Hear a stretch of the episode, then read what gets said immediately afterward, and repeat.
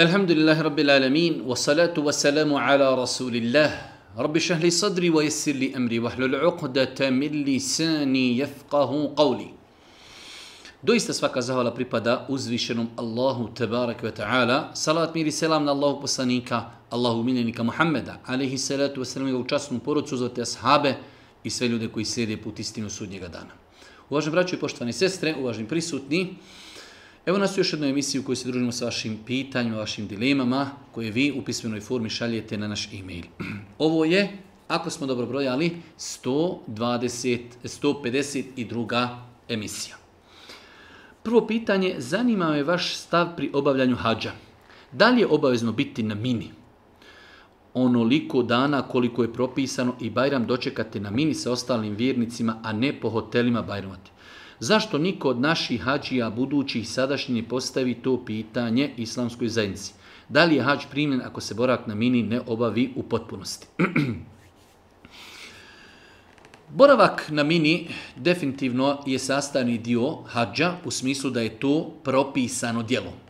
U pogledu e, propisa, znači ono je definitivno propisano. Sada ostaje samo težina tog dijela, e, učinjaci anefijske pravne škole da, smatrali su da je to sunnet. Samim tim, ako je sunnet, ako to neko izostavi, e, znači nije napravio nikakav prekršaj, džumhur islamskih učenjaka, znači većina islamskih učenjaka i pravnika smatrala je e, noćavanje na mini tokom hađa, da je to vađib. Samim time, znači, insan koji ne bude na mini po mišljenju džumhura, treba da to nadoknadi, znači, iskupom kefaretom, E, za razliku od učenjaka Hanefijske škole. Islamska zajednica kao organizator hađa e, vodi se, vodi se da je to sunnet i samim time smatraju da ako neko izostavi noćavanje e, na mini, da nije napravio nikakav prekršaj. Lično smatram, ja lično sam stava, da je boravak na mini vađib, da osoba koja nije boravila na mini, da bi njen hađ bio potpun i ispravan, treba da se za neboravak na mini iskupi. U pogledu tog sada iskupa postoji opet različita mišljenja kod islamskoj čenjaka. E sada, većina našeg naroda jednostavno potpada u kategoriju mokallida, to je treća kategorija ljudi, a to je da ljudi slijede uh, instituciju, ljudi slijede e, mezheb, ljudi slijede imama, tako da duboko se nadam da ljudi koji nisu boravili na mini, da nisu griješni i duboko se nadam da je njihov hađ ispravan i potpun. Za nas kod osoba koje čitaju, znaju, analiziraju, vide, pročitaju knjige i vide e, jačinu dokaza džumhura, ali jednostavno, eto, ne ide, ne ide, ne znam, organizator, pa neću nija ići, u takvim slučajima Allah najbolje zna osoba e, znači koja želi da njen hađ bude potpun, e, znači trebala bi ili da boravi na mini, a ako nije boravila, onda da prvo se pokaja Allahu Đelešanu zato što je izostavila hađ, ali isto tako da se iskupi kefaretom za znači e, to što nije boravila na mini. Je li tačno da se čovjek i žena moraju kupati svaki puta nakon intimnog kontakta? Jedno, mm, da kažemo, i mm, nejasno pitanje. Osnova je da čovjek ako ima intimni kontakt sa svojom suprugom, da se od toga moraju kupati. E sada, kada se moraju kupati? Moraju se kupati onog momenta kada tjednu da klanjaju namaz. Čovjek ako i zajutra nakon sabaha u 6, 7, 8 sati imao intimni kontakt, on se ne mora kupati sve do podne namaza. To je jedna stvar. Druga stvar, da li svaki put se čovjek mora kupati?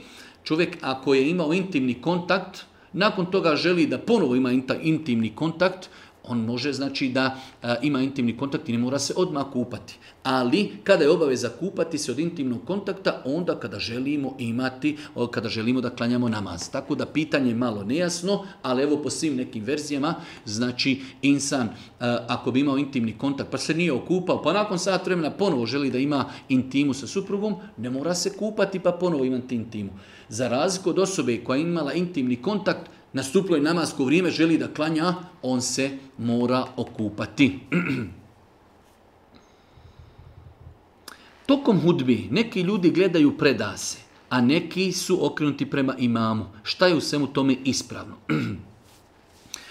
Uh, u vjerodostojnim hadisima koji govori o Božijem poslaniku, njegovom načinu držanja hudbe i o tome kako su se ashabi obhodili prema Božijem poslaniku stoji da kada je Božji poslanik počeo da drži hudbu da bi se ljudi svojim licima zakrenuli i gledali bi u Božji poslanika ali se radu sam tako da od sunneta je lijepo i pohvalno da ljudi se okrenu svojim tijelima i licima prema onome ko drži hudbu. Čak jedan mali dio učenjaka je smatrao to i vađbom, e, znači kao jedan obavezni i sastavni dio dio e, znači džume da čovjek se znači svojim tijelom zakrine i gleda u onoga ko drži hudbu. U svakom slučaju e, mišljen da je to vađibje malo da kažemo prežestoko, ali da je to sunnet, da je to bila praksa ashaba Božijeg poslanika prilikom hudbe kada je Božji poslanik držao hudbu, oni bi se svojim tijelima zakrenuli i gledali bi u Božijeg poslanika kako drži hudbu.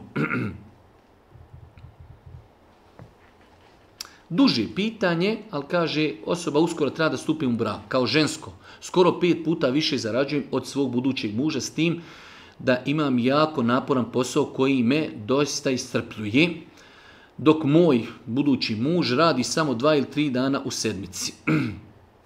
On kaže da nakon stupanja u brak ne smijemo imati odvojene račune i da moramo imati zajedničku kasu i tako dalje.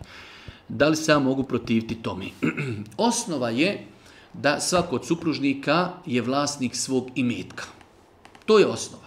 I time se islam ponosi da žena ima svoj imet. Žena može biti milionir, a čovjek može biti prosjak. Ona naslijeda od svoga oca, od svoga djeda ili dobila na poklon milijardu, a njen čovjek znači nema da kupi sendvič. I to je, znači, to je pravda da je to njen imetak, a ovo je njegovo stanje. E sada, eh, prije stupanja u brak čovjek to ženi predlaži. Ako ona prihvati, obavezni su da se drže toga, stavljamo pare na jedan račun i zajedno trošimo. Ali ako žena kaže, ne, ja ne prihvatam taj uvjet, u islamu ja imam pravo da imam svoj račun, ti imaš svoj račun, to je njeno pravo da ostane njen račun zaseban da ima svoj novac. Znači, ali isto tako muž može da joj predloži, može da joj uvjetuje, ona ako prihvati, trebaju da se drže toga, ako ne prihvati, znači onda da li će stupiti u brak ili neće, to je drugo pitanje, ali je njeno šerijetsko pravo da ima zaseban račun i da su to njene pare.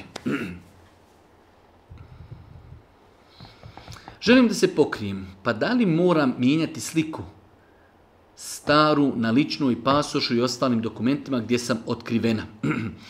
Ovo je jedno pitanje koje se, ajde da kažem, veoma čisto dešava u zadnje vrijeme. Naše sestre koje su bile otkrivene i nakon toga e, odlučio se se pokriju, ali imaju dokumente na kojima, na dokumentima su slike gdje su otkrivene. I sada, kom je god da dadnu e, taj dokument na uviđaj, jednostavno vidi sliku žene gdje je otkrivena.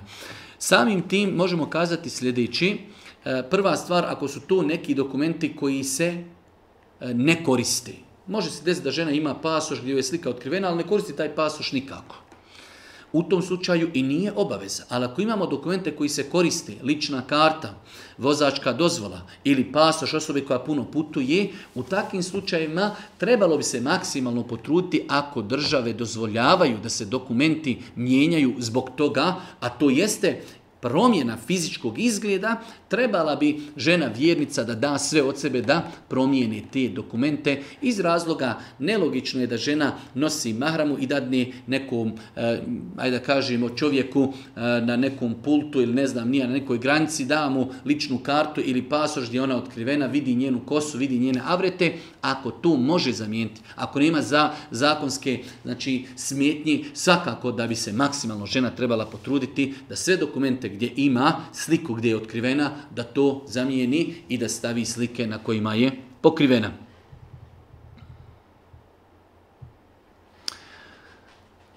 Jedno malo duže pitanje, ja sam bila kod komšinki i ostavila sam soka u dnu čaši. Ona mi kaže da popijem kao ostala tjena faka u mojoj kući haj što je ona rekla, a što meni svi, e, svi me, su me pritiskivali da popijem, ja sam to prolila namjerno u odvod, samo neću da popijem. Govori mi kao sebi si naškodila, mislim i tako dalje. Da li je tačno da insan koji pije kod nekoga kafu ili sok mora sve ispiti ako nešto ostani, ostala mu je na faka i zadesit će ga neka musibet i nedaća što je malo ostalo e, soka e, u čaši ili u, e, u filđanu kafe i tako dalje. E, s aspekta da je od sumneta da čovjek e, kada nešto jede i pije, da to lijepo pojede i počisti, to da. Ali s aspekta da to nosi štetu, da ostala je čovjeku neka nafaka kod nekoga, to nema nikakvo utemeljenje u islamu, insan se ne treba toga bojati, ali generalno insan kada nešto jede, hranu, nešto pije, lijepo je i pohvalno da sve pojede i sve popije ali to nema nikakve veze, ostala mi na faka kod nekoga, ako si to prolio, zadesit ćete neki musibet, to nema nikakve, e, nikakve veze sa islamom i to je sigurno samo jedan u dugom nizu ti nekih neispravnih uvjerenja i sujevjerja u našem narodu. Kakve su predaje o tome da će poslanik Ali Selam i Hazreti Merijem stupiti u brak u džennetu? te da je Hazreti Merijem naša majka. Čuo sam jednog imama da to otvorno govori, pa sam odlučio tu istražiti temu. Tačno je da postoje hadisi na tu temu, ali je isto tačno e, s aspekta hadijske nauke i hadijskih eksperata da svi hadisi koji govori o tome da će Allahov poslanik, ali i selam na ahiretu, u džennetu, ženiti Merijem, e, znači da ti hadisi nisu vjerodostojni.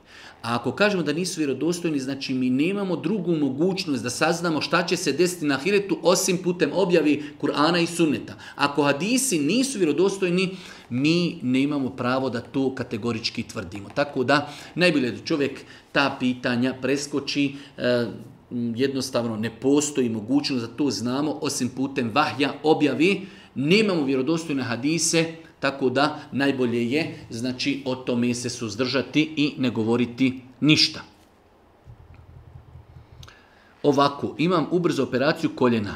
Od svojih kolega koji su to već radili, čuo sam da posle operacije bar jedan dan ne smije se pomirati niti ustajati iz kreveta. Tako da stavi neki kateter. U biti, na taj način obavlja fiziološku potrebu. Sada moje pitanje se svodi na to kako obaviti namaz e, i tako dalje. E, Insan koji ima operaciju i postavi mu se kateter, e, znači treba da klanja shodno svojim mogućnostima.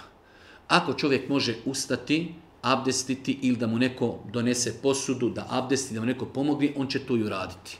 Ako ne može ustati, nima ko da mu pomogne, onda će uzeti tejemum. Uh, klanjaće shodno situaciju u kojoj se nalazi. Ako može klanjati stojeći, klanjaće stojeći, ako ne može klanjaće sjedeći na stolci, ako ne može klanjaće ležeći na krevetu. To što ima kateter, e, znači e, nije razlog da ne klanja namaz, E, osoba koja ima kateter potpada pod propis sahibi uzra, čovjeka koji ima znači problema sa kontinuiranim izlaskom mokraće ili vjetruva ili žene mu stehadi koji ima kontinuirano krvarinje, sve te osobe moraju klanjati, tako insan sa kateterom mora klanjati. Kada nastupi namasko vrijeme, on će se očistiti kako može. Ako može abdestom, kako smo rekli, ako ne može, uzet će tajemum, klanjaće ako može stojeći, ako ne može klanjaće sjedeći, ako ne može klanjaće ležeći, ali nama se mora klanjati. mm Klanjam u džamiji sabah, u džematu. Na kraju fatihe niko ne govori amin osim mene, na glas. Da li je ispravnije da nastavim govoriti tako sam ili da to reknem u sebi, ne izdvajujući se od ostalog dijela džemata. Izgovaranje, fati, izgovaranje amin nakon fatihe je sunnet. E, lično sam stava da insan ako se nalazi baš u džami gdje niko to ne zna, ne treba nešto plaho stršiti. Isto tako ne vidim u tome ništa sporno da insan izgovori to amin, hajde da kažemo poluglasno, da se čuje, da se zna da je to sunnet, ali ne toliko da bi možda uznemiravao druge ljude, ipak je to jedan sunnet, ako ljudima smeta, ako vidimo, ako vidimo da im ne smeta, pitamo i ljudi, ja govorim sunnet, slijedim, znači hadise e, eh, koji sam čitao na tu temu i on kao, ništa, samo ti Allah te nagradio, znači ako to ljudima ne smeta, onda i treba to praktikati prakticirati, ali ako vidimo da stršimo i vidimo da to njima smeta, onda čovjek treba malo, hajde da kažemo, to izgovoriti poluglasno. Osoba koja primi islam, da li se mora okupati tim povodom? Islamski učenjaci u pogledu toga da li čovjek koji primi islam treba da se okupa, imaju različite stavove. Uh, zabilježeno je nekoliko vjerodostojnih hadisa i slučajeva kada bi ljudi dolazili Božijem poslaniku da prime islam, da bi im poslanik naredio da se idu okupati. E sada imamo s jedne strane da je toliko ashaba primalo islam i nije to toliko puta zabilježeno, ali imamo par slučajeva da je Boži poslanik naređivao ashabima da se okupaju prilikom primanja islama, tako da e, nije to danas teško, znači čovjek prima islam, svugdje imamo kupatila, svugdje imamo toalete, nije teško da čovjek ode ako su ashabi u to vrijeme mogli otići e, znači kod nekog bunara u, u nečiju baštu e, i, i okupati se. Danas da se insan okupa, mislim da je prioritetnije mišljenje da je to obaveza.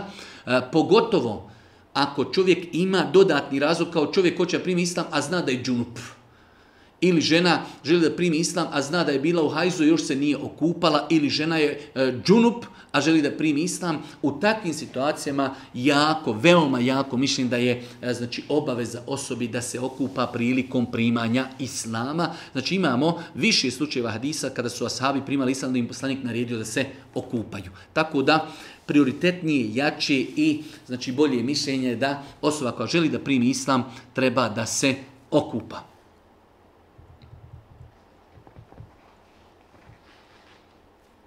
Čula sam negdje da kada insan govori ne smije započeti rečenicu sa ja, jer to je jedan vid oholosti. Ne mogu pronaći sada dokaz za to. Da li mi možete vi pomoći? Znači čovjek ako nešto govori ne smije reći ja sam uradio, Eh, jer je to kao vid oholo. Da li je to tačno? Nije tačno. Znači, nema smetnje da čovjek eh, neku stvar kaže ja sam. Na početku rečenice kaže za sebe ja. Svakako e, znamo mi kako izgleda kad se neko oholi, kad se neko hvališi i tako dalje. Ali mnogo puta, čak imamo hadise, vjerodosljeno da Boži poslanik kaže ja sam to i to, ja sam tako i tako. Tako da nema smetnje da čovjek u govoru započne rečenicu na način ja sam uradio to i to, ja sam učinio to i to, to nema nikakve veze sa ohološću, niti ima ikakve veze, znači e, da e, čovjek želi na taj način pod obavezu da se nečim ističi. Jednostavno, nekada je takva situacija da određenu stvar čovjek ne može kazati osim da spomini da je on nešto završio radio. Imamo vjerodostojna hadisa da Boži poslanik započinja u rečenice u kojima kaže ja sam taj, taj, ja sam to i to, ja sam tako i tako. Tako da, E, nije mi poznat dokaz u kojem se zabranjuje da čovjek započne rečencu govoreći ja sam uradio nešto. Esselamu alaikum, važni šehi, je li tačno da nam židovi i kršćani su braća i da će oni ući zajedno u džennet sa nama? E, kada su u pitanju, znači, e, svi ljudi mimo muslimana, bez obzira židovi, kršćani ili neko drugi, uvjerenje muslimana na osnovu jasnih kuransko-hadijskih dokaza jeste da svi ljudi koji umru, čuli su za poslanika, čuli su za Kur'an, čuli su za Islam i nisu prihvatili poziv istini, nisu povjerili u Kur'an, nisu povjerili u Muhammeda, naše uvjerenje je, znači, muslimana da će ljudi vječno u džehennem. Allah Žešanu jasno u Kur'anu na više mjesta kaže لَقَدْ كَفَرَ الَّذِينَ قَالُوا إِنَّ اللَّهَ ثَارِثُ ثَلَاثَ Doista su nevjernici oni koji kažu Allah je jedan od troje. Na drugom mjestu Allah Žešanu kaže doista su nevjernici oni koji kažu da je e, e Isa alaih salatu wasalam Bog i tako dalje. Tako da e, nema razilaženja kod učenjaka ehli sunneta da se ljudi dijeli, kada je u pitanju ahiretu dvije kategorije, muslimani i nemuslimani.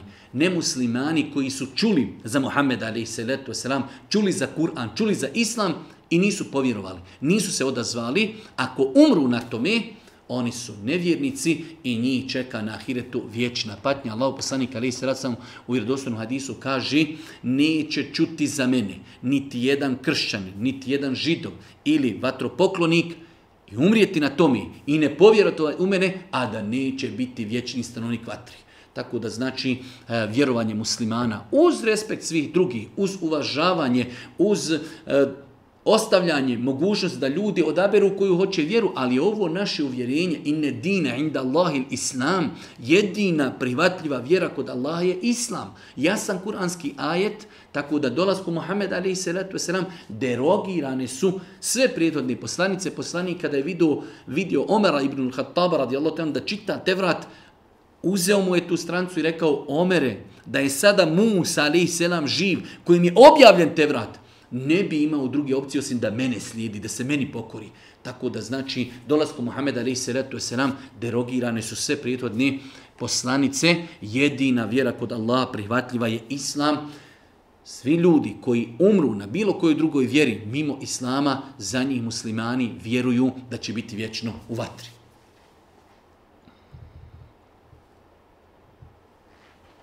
Imam pitanje vezano za Medviđe. Medzid je predejakulacijska tečnost. Imam 23 godine i skoro svaki dan imam problema. Izlazi mi nekakva bijela sluz iz spolnog organa prilikom seksualnog nadržaja, a nije sperma. Da li se moram svaki put kupati da bi otišao i obavio namaz? Ne. Znači, takav slučaj se desio sa Alijom, radijallahu trenu. Alija je bio zed Božijeg poslanika, pa je Alija zadužio jednog ashaba da ide pitati poslanika, pa je poslanik Alija 7 rekao, Alija se toliko kupao da su mu više leđa ispucala od kupanja, jer je mislio da ta tečnost zbog nje se mora kupati, pa je Boži poslanik rekao ne, ne mora se kupati, ali je to nečisto i mora se čovjek od toga mora promijeniti abdest. Znači, kako čovjek bio pod abdestom, iz polnog organa je isti, istekla e, tečnost mevija, ta bijela suzava tečnost, e, u tom slučaju to je nečisto, mora čovjek oprati ili spolni organ, testi se, mora oprati odjeću i mora ponoviti abdest, ali se ne mora oprati ne mora se kupati. Generalno gledajući, da li je bolje klanjati namaz na početku ili u sredini njegovog namaskog vremena? Zbog hadisa 149 kod imama Termizije u Sunenu, e, da je Džibril rekao Božijem poslaniku da je najbolje vrijeme između ova dva namaska vremena početka i kraja. Znači imamo vjerodostajan hadis koji ga ovaj brat postavio, a to je da je Džibril alaih salatu selam predvodio Božijeg poslanika jedan dan uh, na početku namaskog vremena, kao imam. Klanjao je Džibril poslaniku na početku svakog namaskog vremena. Drugi dan je klanjao na kraju namaskog svakog vremena i onda je rekao namasko vrijeme je između ova dvoga. Pa rekli, primjer radi, ako nastupa podne u jedan, a i kindija u četiri. Jedan dan je Džibril Božijeg poslanika predvodio na podni namazu u jedan. A drugi dan pred samu ikindiju. I onda mu je kazao namasko vrijeme između ovoga dvoga. Ovaj hadis ne govori kada je pohvalno klanjati, već nam govori koliko traje namasko vrijeme. A kada je najbolje klanjati? Najbolje klanjati u prvom namaskom vremenu. To je generalno pravilo da je najbolje klanjati namaz u prvom namaskom vremenu. To je generalno pravilo. Imaju određeni neki izuzetci kao kada e, su jake temperature, za podni namaz, lijepo je podni odgoditi do pred ikindiju. Ali generalno pravilo kada je Boži poslanik, ali sam vam pitan o najboljim, najdražim dijelima uzvišenom Allahu, znači namaz na početku namaskog vremena. Tako da, eh, jedno je uraditi nešto lijepo, pohvalno, a drugo je ne mogu svi ljudi klanjati u prvom namaskom vremenu. Hvala Allahu, pa namaska vremena su široka, primjer radi podnije, počinje u jedan, traje do četiri. Kad god da mi klanjamo, od 1 do 4 naš namaz je ispravan, ali je najljepše klanjati na početku namaskog vremena. Zanima me da li je validna sadaka koju udjelim od novca koji dobijem od roditelja, jer ipak ne radim nigdje, a to mi je jedini izvor prihoda. Znači imamo jednog učenika, njemu roditelji daju džeparac, da li ona kod tog džeparca nešto udjeli, da li se to smatra sadakom? Apsolutno da. Čak šta više, e, to je jedna posebna vrsta sadake da čovjek drugima daje prednost nad sobom. Roditelj dadni djetetu Marku da kupi sendvič i on uzme tu Marku ili pola Marke dadni nekom siromahu. To je posebna vrsta sadake el ithar, da drugima damo prednost nad sobom. Tako da to što smo mi to dobili od roditelja na poklon ne znači nikako da mi to ne smijemo pokloniti nekom je dati na, na hediju tako da nema smetnje da dijete ako od nekoga dobije hediju da nekom je dio toga dadni. Naime, već duže vremena tražim odgovarajuću sup, supružnika i suparnika za život. Nikakvog rezultata nema do sada. Zanima me da li treba da odustanim od potražnje. Apsolutno ne. Znači, neki ljudi nađu supružnika za tri dana, neko za tri mjeseca, neko za tri godine, a neko za 30 godina. Znači, Tako da insan e, treba da zna da je ova naša vjera zasnovanja na poduzimanju sebiba. Hoću da se ženim, ne mogu se oženiti osim da se potrudim. Pitam, zovem, tražim, raspitujem se, pa odem, pa vidim da nije, pa odem, pa tražim i tako da dok čovjek ne postigne ono što želi. Tako da ako se čovjek potrudio dan, dva, mjesec, tri, godinu, idemo dalje dok insan ne postigne ono što želi. Ako dobro operimo nečistoću sa odjeći, ali se i dalje vide tragovi na odjeći, da li je ta odjeća čista? Kao u slučaju kada se opere odjeća od krvi, ali ostane crveni trag na bijeloj odjeći od krvi. Znači, e, imamo nekada situaciju, najbolje to pojasniti na bijeloj tkanini, primjer radi, e, neki neđaset, nečistoća, izmet je pao na bijelu tkaninu. I mi to uzmimo. Dobro, sigurno smo očistili. Ali ostalo je da mi vidimo dio boje na toj tkanini. Da li u takvoj tkanini mi smijemo klanjati? Da. Ta boja koja je ostala, to je nešto što će se teško oprati. Nama je bitno kada je u pitanju islam, e, čišćenje od nečistoće, da mi uklonimo masu koju ima nečistoća. Pa primjer radi ako je se odjeća uh, uprljala od, od uh, izmeta, nama je bitno da taj izmet vodom saperimo i da smo sigurni da više nema tragova, znači u smislu masi, a da ostani neka mrljica, da ostani trag, mi govorimo s aspekta šerijatskog, da li možemo u tome klanjati? Možemo. Možemo s aspekta higijenskog, možemo poslije pokušati e, sa određenim praškom, sa određenim stvarima da to uklonimo, ali u pitanju da li ako imamo na hlačama e, određenu nečistoću i mi to operimo dva, tri puta, znamo sigurno da je to čisto, ali ostala je mrlja. Ta mrlja, ako bovda taj trag, ta boja, ona ne smita.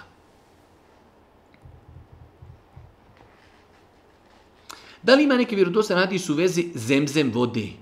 da kada popiješ da možeš doviti i da li se pije stojeći okrenut prema kibli. imam vjerodostan hadis da je Allah poslanik, znači hadis kojeg bilježi imam Ahmed ibn Mađe, e, da je Allah poslanik kazao ma'u zemzem lima šuri beleh. Zemzem voda je za ono zašto se zanijeti. Ovaj hadis Šeha Albani Rahmetullah Alihu više svojih knjiga ocjenio vjerodostojim. Znači hadis vjerodostan poslanik kaže voda zemzem je za ono što se zanijeti. Zato su islamski učenjaci kazali da je lijepo da čovjek kada želi popiti vodu, da namjerava zašto pije taj zemzem, a nakon pijenja zemzema lijepo i pohvalno čovjek uputi dovu u zvišnom Allahu. Nije zabilježeno da se Boži poslanik svaki put kada pio zemzem okretao prema kibli. Tako da čovjek znači, može prilikom pijenja zemzema zanijetiti u svom srcu pijem za zdravlje, za sreću, za nafaku, za zadovoljstvo i tako dalje. Može nakon zemzema doviti i ne mora se eksplicitno okretati svaki put prilikom pijenja zemzema prema kibli. Da li je dozvoljno okačiti Kur'an malom formatu u auto? Dobila sam poklon, mali Kur'an. Toliko sitna slova da se ne može učiti iz njega. Međutim, ima i dio koji se može zakačiti negdje kao ukras. Da li je to dozvoljeno okačiti u auto? E, definitivno je bolje to izbjegavati. Zašto? Zato što imamo ljude koji takve stvari kači smatrajući da to čuva auto, neće ga niko ureknuti, neće biti saobraćaj nesreća, što je već vid amuleta i vid zapisa. Tako da, znači, definitivno čovjek, vjernik, treba to izbjegavati. Makar, makar čovjek bio siguran, nisam ja to okačio da to mene čuva. Eto, okačio sam čisto što je to Kur'an, Čovjek to ne treba raditi zato što neko ko to kod nas vidi ne zna iz kojeg smo mi to razloga uradili. 99% ljudi kada okače Kur'an u auto, mali format, okače to kao vid hamajli, da mi čuva auto, da nema urok, kada mi se auto ne kvari, da ne bude sudar. A to je neispravno. To je već vid amuleta, to je već vid zapisa, talismana, što nije ispravno. Tako da, moj savjet je da nikako se mali formati Kur'ana ne kače u auto. Esalamu alaikum, ja sam sa Kosova pa me baš interesuje islam. Znam nešto i klanjati koliko mogu i tako dalje. Postoji li razlika između muškog i ženskog načina obavljanja namaza?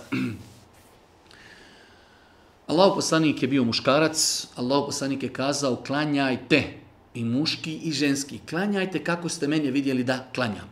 Ne postoji niti jedan hadis da je poslanik rekao e, eh, u ovom dijelu namaza ovo je za muški, ovo je za ženski. Tako da sav namaz od Allahu Ekber do predavanja selama isti je i za muškarce i za žene.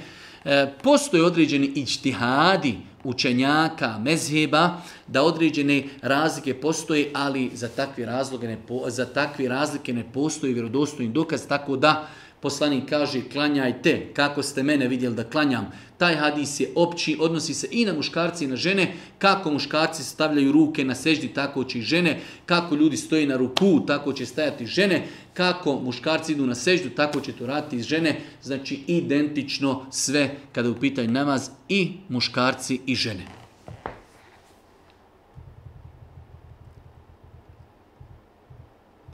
Jedno malo duže pitanje, ali na kraju kaže, čovjek ima problema sa vesvesama, uzmi gusul i dan dva klanja i onda mu šeitan dođe i kaže, a možda onaj dan kad se kupao nisi upotpunio gusul, pa ide ponovo uzmi gusul i ponovo nakon dan dva opet mu šeitan kaže, ali ovo drugi put kad si uzmao nisi upotpunio i tako dalje.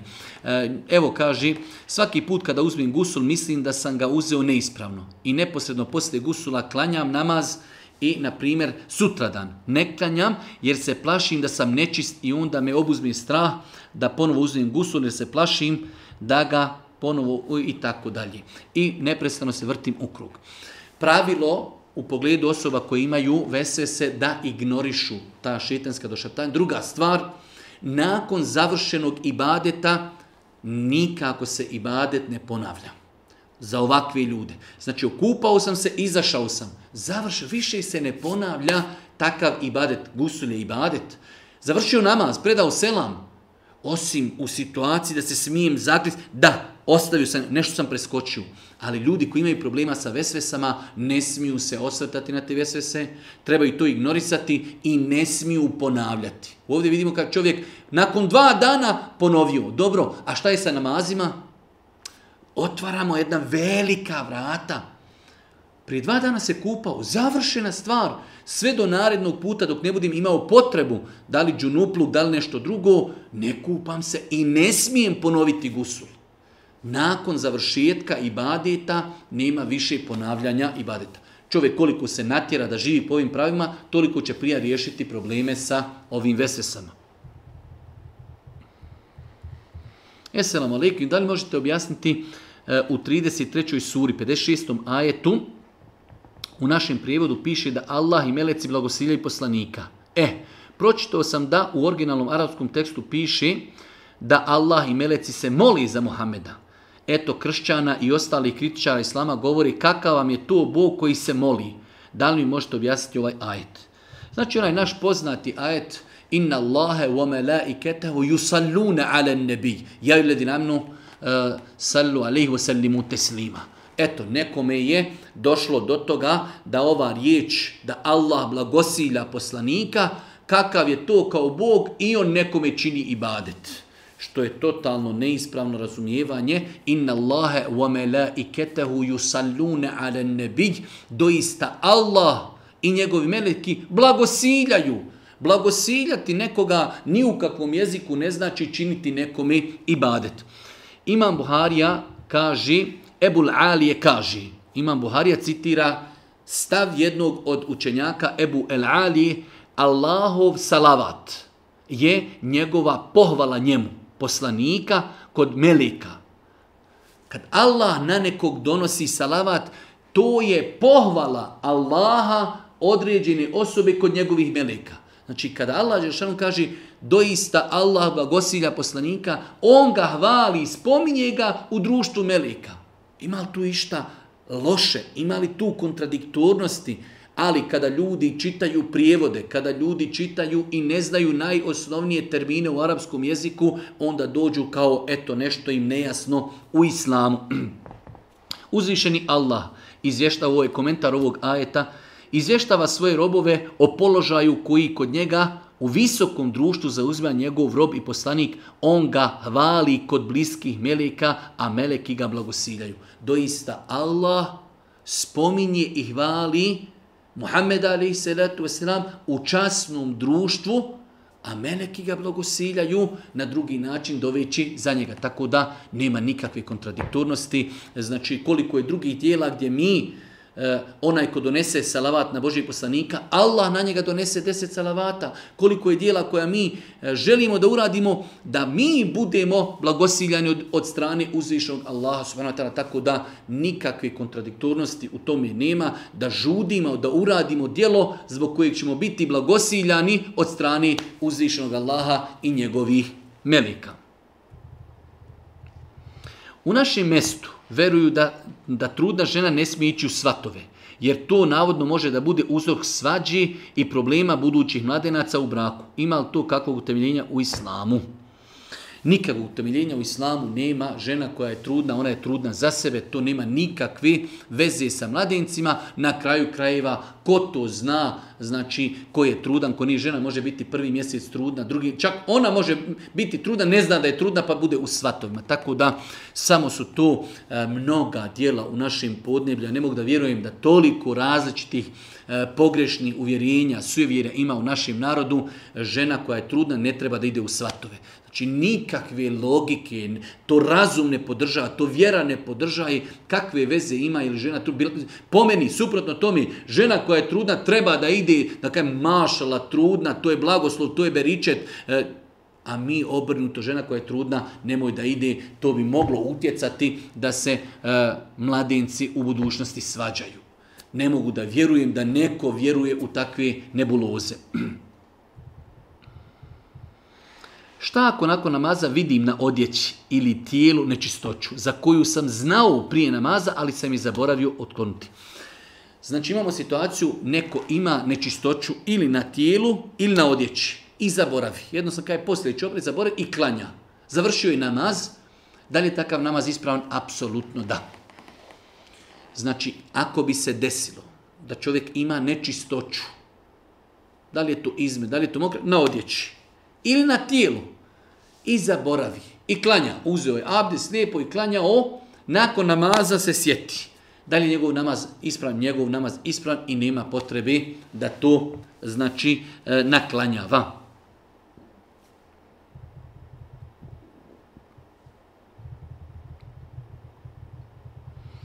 Mogu li dobiti objašnjenje ajeta iz 19. suri, e, 19. ajeti sure Zuhruf? Oni meleke koji su robovi milostivog ženama nazivaju, zar su oni prisustvali stvaranju njihovu? njihova tvrdnja će biti zapisana i oni će odgovarati. وَجَعَلُوا الْمَلَائِكَةَ الَّذِينَ هُمْ عِبَادُ الرَّحْمَانِ إِنَاثًا أَشَهِدُوا خَلْقَهُمْ سَتُكْتَبُ شَهَادَتُهُمْ سَتُكْتَبُ شَهَادَتُهُمْ وَيُسْأَلُونَ Allah Đelšanuhu u ovom ajetu, 19. E, ajetu suri Zuhruf kaže, govori o mušricima. Oni meleke koji su robovi svemilosnog, že, e, ženskinjem smatraju. Allah Đeršanu govori da Kurešije, e, mnogobožci, smatrali su da su meleki ženskog roda i da su to čerke od uzvišenog Allaha, to be jarabi. Pa Allah Đeršanu kaže, zar su oni prisustvali stvaranju njihovu? Odgovor – Kako vi, o Kurešija, o mnogobošci, možete tvrditi da su meleki ženskinje i da su čeri uzvišnog Allaha? Jeste li vi bili tu kada ih je Allah stvarao? I onda Allah Đeršanu prijeti i kaže njihova će se tvrdnja, bit će zapisana i oni će odgovarati. Znači, tvrdili su da su meleki čeri uzvišenog Allaha i da su ženskinje, Allah Đeršanu nema sina, nema djeteta, nema kćeri, sve to neispravno, ali Allah postavlja pitanje jesu li oni bili prisutni kada je Allah stvarao meleke pa da to znaju, želi da im kaže govorite ono što ne znate, to će biti zapisano i zato ćete odgovarati. To je značenje ovog ajeta. E, oni meleke koji su robovi svemilosnog ženskinjem smatraju. Oni su i smatrali da su ženskog roda i da su kćeri uzvišenog Allaha, te bareke te Allah. Tebareka, teala.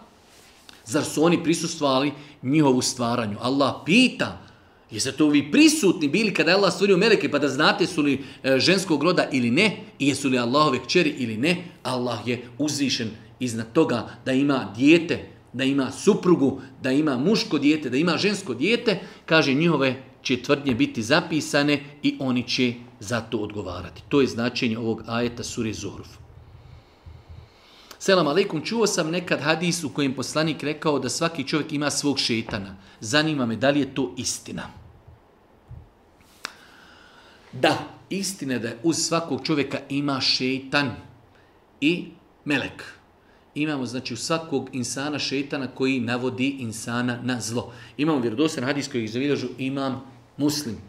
Da je iša jedne noći tragala za Božim poslanikom, ali i salatu wasalam, iz ljubomore misle da nije Boži poslanik negdje otišao kod neke druge svoje ženi, pa je Allah poslanik, ali i salatu wasalam, kazao, šta ti Aisha? Je li to se u tebe probudila tvoja ljubomora? Pa je ona kazala, kako ne bi bila ljubomorna na tebe? Ti si najbolji čovjek na svijetu, kako da ne budem ljubomorna na tebe?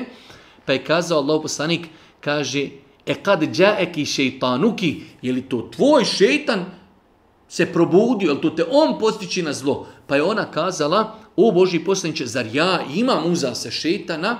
On je rekao, da. Pa je Aisha rekla, u mea kulli insanin, jel to u svakog insana ima šetan? Pa je poslanik rekao, nam, jeste. Pa kaže, jeli i uz tebe ima šetan? Kaže, da, ima uz mene šetan, ali kaže, Allah mi je olakšao I ovdje sad imaju različiti rivajeti, različiti prijevodi ovog rivajeta, hata esleme ili hata eslemu. Allah mi je olakšao, pa je on primio islam ili je Allah mi je olakšao, pa se ja čuvam njegovi spletki. Dva načina kako se ovaj hadis može shvatiti, ali je pojenta da je Allah poslanik kad mu je rekla Iša, je li u svakog insana ima šetan, on je rekao da, u svakog insana ima šetan. Tako da, E, tačna je ta tvrdnja na osnovu ovog hadisa Božih poslanika, ali sam koji bilježi ima muslim od Aiši, kada ga je ona lično pitala je li to znak, ako ja imam uz mene je šetan, je li to znači da u svakog insana ima šetan, pa poslanik rekao nam da u svakog insana ima šetan. Kakva je razlika između ruknova, vađiba i sunneta u namazu? Svaka radnja u namazu mora se kvalificirati ili je to rukn, nešto što je nezaobilazno, ili je to vađib, ili je to sunnet. Razlika između ruknova jeste da ruknove, ako izostavimo i iz neznanja ili iz zaborava, to na, ili nam kvari namaz ili to moramo vratiti se na to mjesto gdje smo to preskočili pa nastaviti ponovo klanjati. Rukn se ne može nikako zaobići ni preskočiti. Za razliku od vađiba, to je niži stepen, vađib ako izostavimo namjerno, namaz je pokvaren. Ali ako ga izostavimo u zaboravu, zaboravimo, preskočimo, namaz je validan. Kao što se desilo Božim poslaniku kada je klanjao podni namaz, pa nije ostao sjediti na etahijatu. Prvo etahijatu u četvrokratnom namazu je vađib. Kada bi ga namjerno preskočili, namaz pokvaren. Ali ako zaboravimo, ustanemo, nastavit ćemo klanjati. Pa vađib, ako ga preskočimo, u zaboravu nastavljamo. Namaz je validan, ali ćemo to nadoknaditi se viseždom. Za razliku od rukna, rukn ne možemo nadoknaditi. Rukn i zaborava namjerno, ne, ne možemo ga nikako preskočiti. Vađib, ako preskočimo u zaboravu, namaz je validan, moramo nadoknaditi se viseždom. Ako bi namjerno preskočili vađib, namaz ne ispravljamo. I treća stvar, sunneti, to su pohvalni radnji u namazu, namazu, ako i radimo imamo sevap, ako dižemo ruke, a ako ga preskočimo, nemamo kaznu, nemamo grijeh i namaz nije upitan. Nadam se inšala da smo to razumijeli. U dilemi sam, pa me zanima odgovor, trudna sam 26. sedmicu, hvala Allahu, prije toga sam imala dva spontana počela sam da kupujem stvari za bebu gdje mi govori da ih ne smijem unositi u kuću i time me plaše ponovne tragedije. Da li ima istine u tome, da li to postoji islamu? Više pitanja smo dobili na ovaj kalup da ljudi smatraju zabranjenim kupovati odjeću za bebu koja se još nije rodila. Prvo što to šerijatski nije ispravno, drugo to nije teoretski ispravno, rodit će se dijete, nismo mu kupili odjeću, jer to moramo čekati da se dijete rodi pa da za njega kupimo odjeću, mm, jednostavno to nije racionalno, to nije normalno, to nije razumno. Nema nikakve smije, može se kupiti odjeća, još žena nije zatrudna, totalno, znači žena se tek udala i kaže naletla na, na pijaci lijepo odjećka, ja ću ovo kupiti inšala kad zatrudni da imam djetetu. Isto tako u toku trudnoće nema smetnje da žena kupuje odjeću, cipelice, peleneš, šta god da kupuje, to nema totalno veze sa ženom, sa njenom trudnoćom. Tako da ne znam otkud ljudima a, takva a, E, takva razmišljanja, e, otkud je došlo da ima vezi kupovina odjeći obući za nerođeno dijete, da to nešto utječe na dijete, na spontani pobačaj i tako dalje. To nema u osnovi, u islamu nikakvi, nikakvi osnovi. 29. pitanje, žena sam i u braku sam, nisam pokrivena, ali klanjam, čitam Kur'an, dovim, zikrim, postim. Moje pitanje glasi, koliko je validan moj namaz, dove i tako dalje, bez, e, zato što ne nosim hijab. Hijab je stroga naredba uzvišnog Allaha svakoj punoljetnoj ženi, prilikom izlaska iz kući. Ali to ne utječe na validnost namaza u kojem žena pokrije svoje tijelo. To ne utječe na validnost njenog posta, na validnost učenja Kur'ana, To je zaseban ibadet. Žena koja izlazi iz kuće otkrivena, ona je griješna zbog toga. Ali kada dođe u džamiju, pokrije se, to je njen namaz je validan, bez obzira što ona nakon toga ne nosi mahram. Ovo nije poigravanje sa propisima. Ali to su dva odvojena propisa koji nemaju uzročno posljedičnu vezu. Žena je griješna što? Ne nosi mahramu. Ali posti, njen posti ispravno. Zikri, njen zikr validan. Uči Kur'an, zikr validan klanja namaz u kojim se pokrije normalno, svakako da je njen namaz ako Bog da validan, tako da su to dva odvojena pitanja. Ovo ne znači poigravanje sa hijabom, hijab je farz, svaki izlazak iz kući bez hijaba je haram, ali to nima veze sa ovim drugim ibadetima, svakako da žena koja već posti klanja zikri, treba što prije da donese odluku da se pokrije, ali znači, iako nije pokrivena, to ne utječe na validnost njenih drugih ibadeta.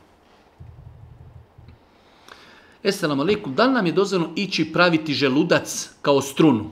U našem selu ima žena koja pravi strunu želudac i naplaćiva. Ako se želudac i struna pravi kao medicinski pristup tom problemu, onda to nije sporno. Bitno je da se to ne vezuje za vjeru. Štimanje želuca i strune je medicinski, znači da kažemo, mm, medicinski poduhvat. Poduhvat tjelesni podufat, znači vezan je za jednostavno našu tjelesno oboljenje i to se ne vezuje uopšte za rukju, ni se vezuje za, znači, za islam. Ako osoba koja to radi, ulaže određeni trud, naštimala ti je e, želudac, strunu i čovjeku lakše i to naplaćuje, ima pravo da naplati svoje znanje i da naplati svoj trud. Tako da je veoma bitno, znači nema smetnje da se e, pravi želudac, e, E, struna od strane osoba koje su kompetentne da to i naplati i to ne treba vezivati nikako za nikako za vjeru kao što kad nas boli glava odemo na magnetnu rezonansu i to nema nikakve veze sa vjerom tako isto i pravljenje želuca nema nikakve veze sa vjerom kompetentna osoba pravi uradila završila naplatila sve je to u redu ako za nije tim farz namaz sam sam u džamiji, potom pristigne grupa ljudi koji žele klanjati. Mogu li to završiti kao na filu i njima se priključiti? Pitanje znači da li, mo, da li možemo namaz kojeg smo zanijetili kao farz, da u namazu promijenimo nijet. Može. Ako imamo validan razlog, možemo znači, farz spustiti na ono što je niži, a to je na fila. Ne možemo početi klanjati na filu, pa u toku namaza prebaciti na farz. To ne može. Zato što je to iz nižeg stepena, iz nafile u veći, ali iz većeg stepena u niži. Počeli smo klanjati podni namaz u džami, sami smo. Farz. U tom momentu ulazi grupa ljudi i hoće da klanjaju džematile. Mi prebacujemo u srcu nijet, aha, nijetim da mi ovo na fila, završimo, predamo selam i onda se priključimo ljudima i klanjamo sa njima farze inšala bizna, u tome nema ništa sporno iz, nafi, iz farza prebaciti nijet u nafilu, završiti namaz i priključiti se ljudima i ponovo zanijetiti farze. Molim uzvišenu Allah subhanahu wa ta'ala da nam podari korisno znanje, da nas učite na putu istine, da nam bude milostiv na sudnjem danu, na kraju subhanaka Allahuma bi hamdike, ešhedu en la ilaha en safiruke, wa etubu ilik. Oh.